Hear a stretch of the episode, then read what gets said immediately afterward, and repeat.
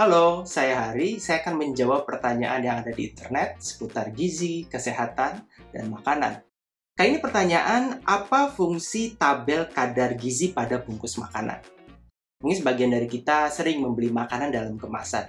Dan kalau membeli makanan kemasan, entah itu produk roti atau snack atau mie misalnya atau susu ya, biasanya kita menemukan tabel atau daftar nilai gizi pada kemasan. Fungsinya apa sih? Fungsinya adalah menginformasikan kita mengenai bahan makanan yang kita konsumsi tersebut, terutama pada zat gizi yang dikandungnya. Kan dari situ kita bisa mendapatkan informasi sehingga kita bisa memilih bahan makanan atau produk makanan yang ingin kita beli. Misalnya, kita ingin membeli susu. Ada 10 pilihan susu di situ. Lalu dari uh, saat kita memilih susu yang ingin kita beli, kita tentu akan mempertimbangkan banyak hal. Selain harga, rasa, kita juga bisa mempertimbangkan nilai gizi. Ada susu yang kandungan proteinnya lebih tinggi atau memiliki kandungan gulanya yang lebih uh, rendah atau punya vitamin dan mineral yang lebih lengkap.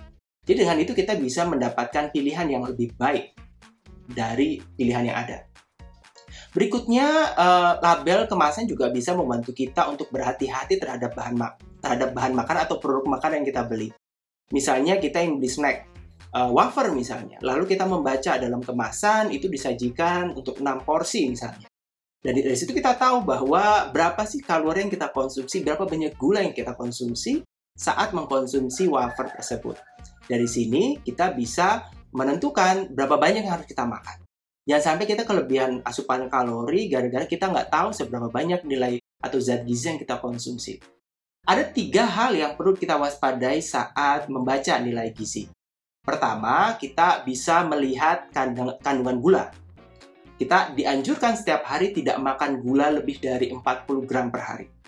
Kalau lebih dari itu bisa berbahaya, ya resiko kegemukan, diabetes, dan segala macam. Oleh karena itu, ketika kita makan, melihat tab tabel, ada berapa banyak sih dalam satu, dua keping, atau tiga keping wafer. Kalau udah 10, jangan makan lebih dari itu, karena 40 gram itu dalam sehari ya.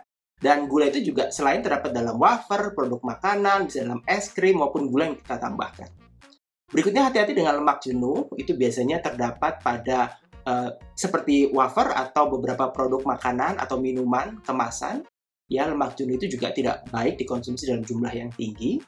Perhatikan juga uh, uh, apa anjuran nilai gizi atau persen AKG-nya, jangan uh, melebihi kalau bisa ya dari anjuran untuk mengkonsumsinya. Saya itu juga lemak trans itu juga tidak baik untuk kesehatan.